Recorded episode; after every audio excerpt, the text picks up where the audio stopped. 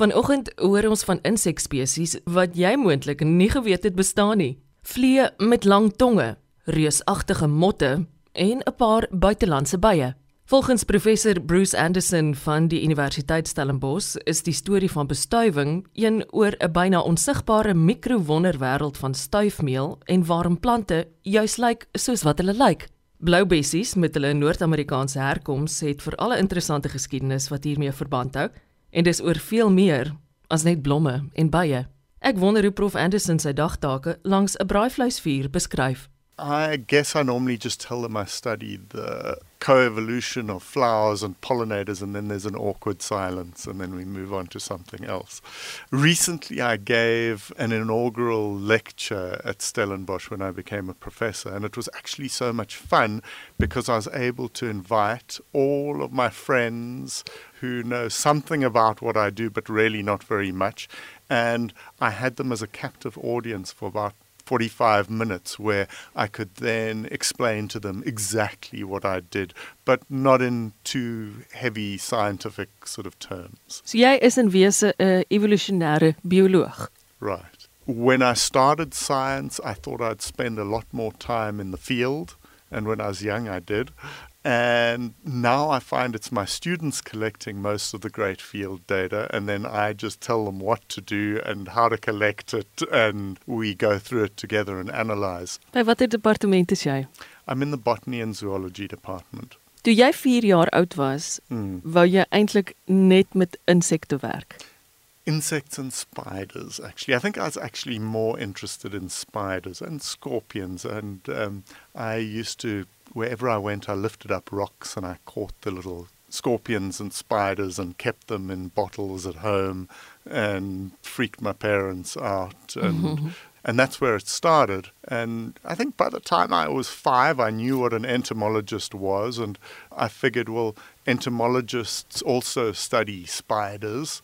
Jy het nou wel later in jou lewe gevind dat evolusionêre ekologie van plant en dier 'n wonderlike middeweg geword het tussen al jou verskillende belangstellings. I would struggle to, to call myself a proper botanist. I, I would call myself an ecologist or an evolutionary biologist. And I like to study how the morphology and behavior of pollinators has driven the evolution of flowers and how floral architecture has also driven the evolution of pollinators. Waarom lyk organismes soos hulle lyk? Dit is iets waaraan jy baie belangstel. Yes, exactly. And I think it's fascinating that you can bring it back to a completely different organism. You can look at one organism and you can almost see the imprint of another organism in that first organism. That's a sure sign of evolutionary relationships between the two. Wat is quantum dots?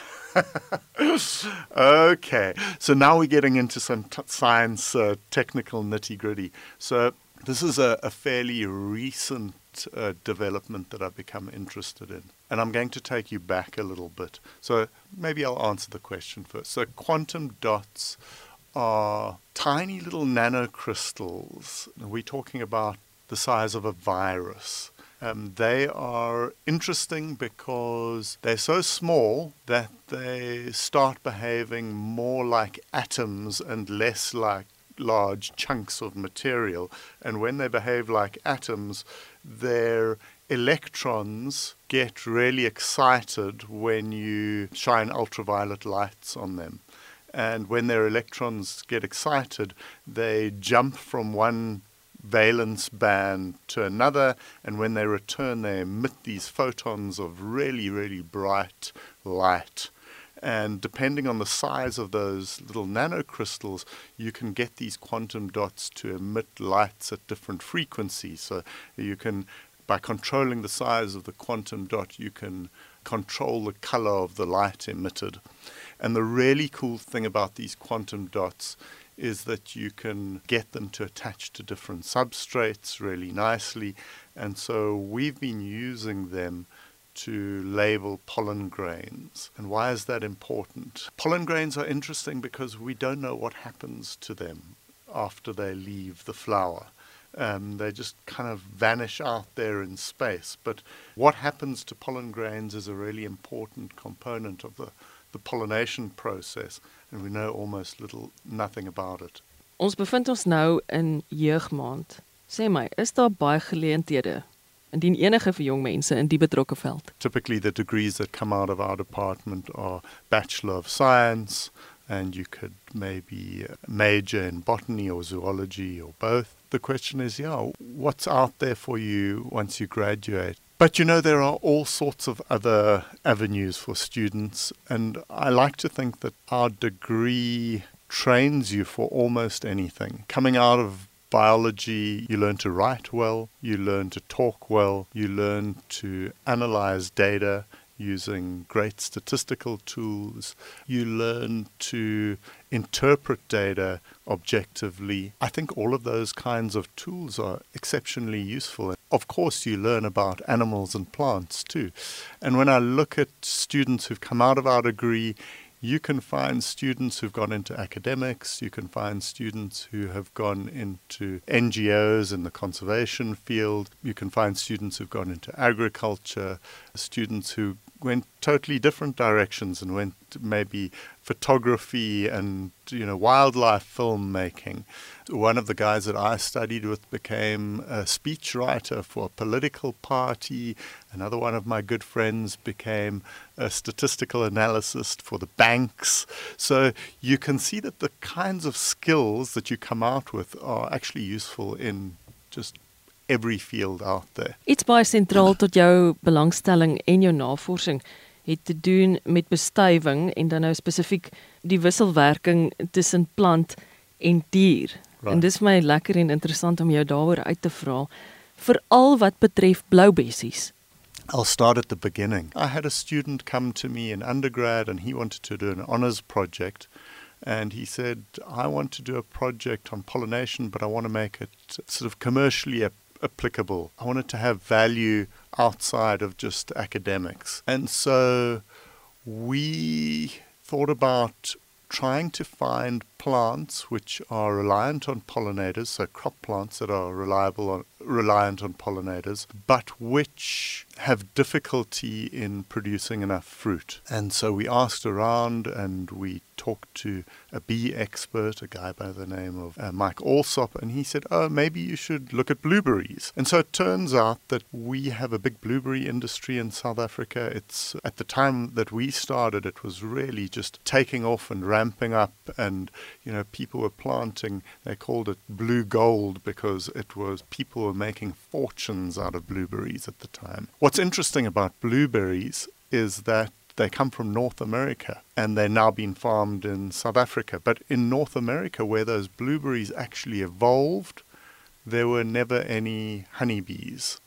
Okay, honeybees are a very n- recent addition to North America. They've been imported to North America and they've taken over and done very well there. So I am really, from a wild perspective, I've always been interested in this lock and key mechanism that flowers have. Flowers look the way they do because they're pollinated by certain kinds of insects. And by looking at any flower, I can tell more or less what pollinator visits it. And pollinators visit certain flowers because they have the right rewards or they have the right shape, right scent.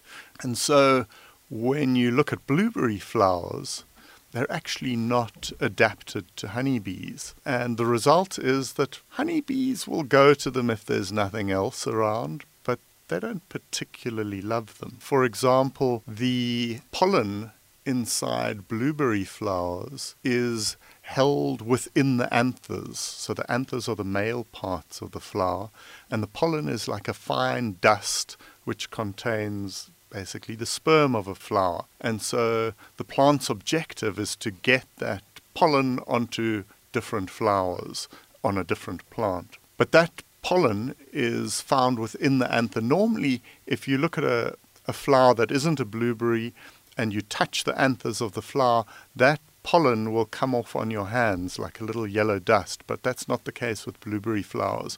Uh, the pollen's not on the outside of the anther, it's actually inside. So you can imagine these anthers as little Coke bottles filled with pollen, But now the insects have to get that pollen out of the flowers. So, how do they get pollen out of a Coke bottle? Well, certain bees, like bumblebees, are capable of vibrating their bodies at a particular uh, frequency and those vibrations cause vibrations in the anthers and it starts shaking those coke bottle anthers and the pollen literally starts exploding out of the little opening where the bottle top goes and it, then it goes all over the pollinator um, now honeybees are not able to do that so they can't vibrate their abdomens and their thoraxes at least.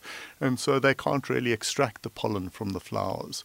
So I think honeybees, when they visit blueberry flowers, are mostly after nectar. The problem is that a lot of blueberry flowers won't even let the honeybees access the nectar because the flowers are maybe too long and the, and the honeybees find it difficult getting the nectar out of the base of the corolla tubes. So, depending on the variety of blueberry used, some of them are more attracted to honeybees than others. That's something that we're trying to work on now is trying to figure out what makes a blueberry flower attractive to honeybees. When scientists think about breeding crops, they think about breeding crops that produce lots of fruit or big fruit, basically trying to make for big yields but they very seldom think about how those fruits are going to be developed. In other words, what pollinates them, and are the flowers even going to be attractive to pollinators?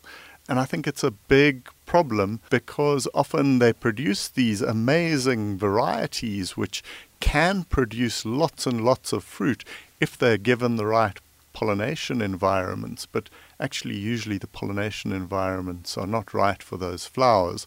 And if you don't get the pollination, you're never going to get the fruit. So, what's the point in breeding that variety? And so, I really think we need to start thinking more about the floral biology and the pollination biology of many of our crops that require pollinators. If I mention the word pollinators, people will think about honeybees. And maybe some will think about birds, as in, you know, the birds and the bees. But actually, the array of pollinators out there is far more interesting than just birds and bees. There are all sorts of weird, interesting pollinators in South Africa. In fact, South Africa really has a crazy array of pollinators. We've got birds, we've got rodent pollinators, we've got wasp pollinators, we have moths with extremely long tongues. I think one of the things that really got me into pollination was this story dating back to Darwin. He was looking at an orchid, and this orchid was from Madagascar. And the orchid had this long, long nectar spur, basically a tube with a little bit of nectar at the bottom of it. This nectar tube was about a foot long, so close to 30 centimeters. And he looked at it and he thought, wow, what animal can get nectar from such a tube. And he thought about it a little bit and he thought, well, the only thing I can think of is that there must be out there in Madagascar somewhere a moth with a tongue of equal length, and it's probably a hawk moth. And so he predicted that there was a hawk moth pollinator which visited this flower. 40 years afterwards, after he had died, they found the hawk moth. So it was this beautiful vindication of this sort of evolutionary thinking and how plants and their pollinators are intertwined and how the morphology of plants and pollinators are so closely intertwined. And I think that's one of the things that really got me into pollination biology. And now when I look at these pollinators, whenever I see them, I look at their morphologies and I try to imagine what the flowers should look like if they are pollinated by those pollinators. But then my absolute favorite pollinator are these long tongued flies, and there are a bunch of different species of long tongued fly. So you think of flies probably as those little things that come and land on your food, and but these flies are absolutely fascinating. They're much larger than your average housefly. I would say they are about the size of the last digit of my thumb. And then they have tongues, and depending on the species, their tongues can vary from a centimeter in length to up to 10 centimeters in length. They pollinate a bunch of different flowers in South Africa. There's probably about 200 flowers in South Africa which are reliant on those flies and don't get pollinated by anything else. So if we had to kill those flies, we'd consequentially lose at least 200 different plant species. En mag ek en jy altyd sagkens pad kruis met selfs die mees onsigbare mede-inwoners op ons planeet. Professor Bruce Anderson is van die Universiteit Stellenbosch. Onthou hierdie asook al ons ander jeugmaandprogramme is beskikbaar op die webtuiste van RSG. Baie dankie dat jy ingeskakel het vanoggend. Mag jou lang naweek verder 'n mooi wees. Totsiens.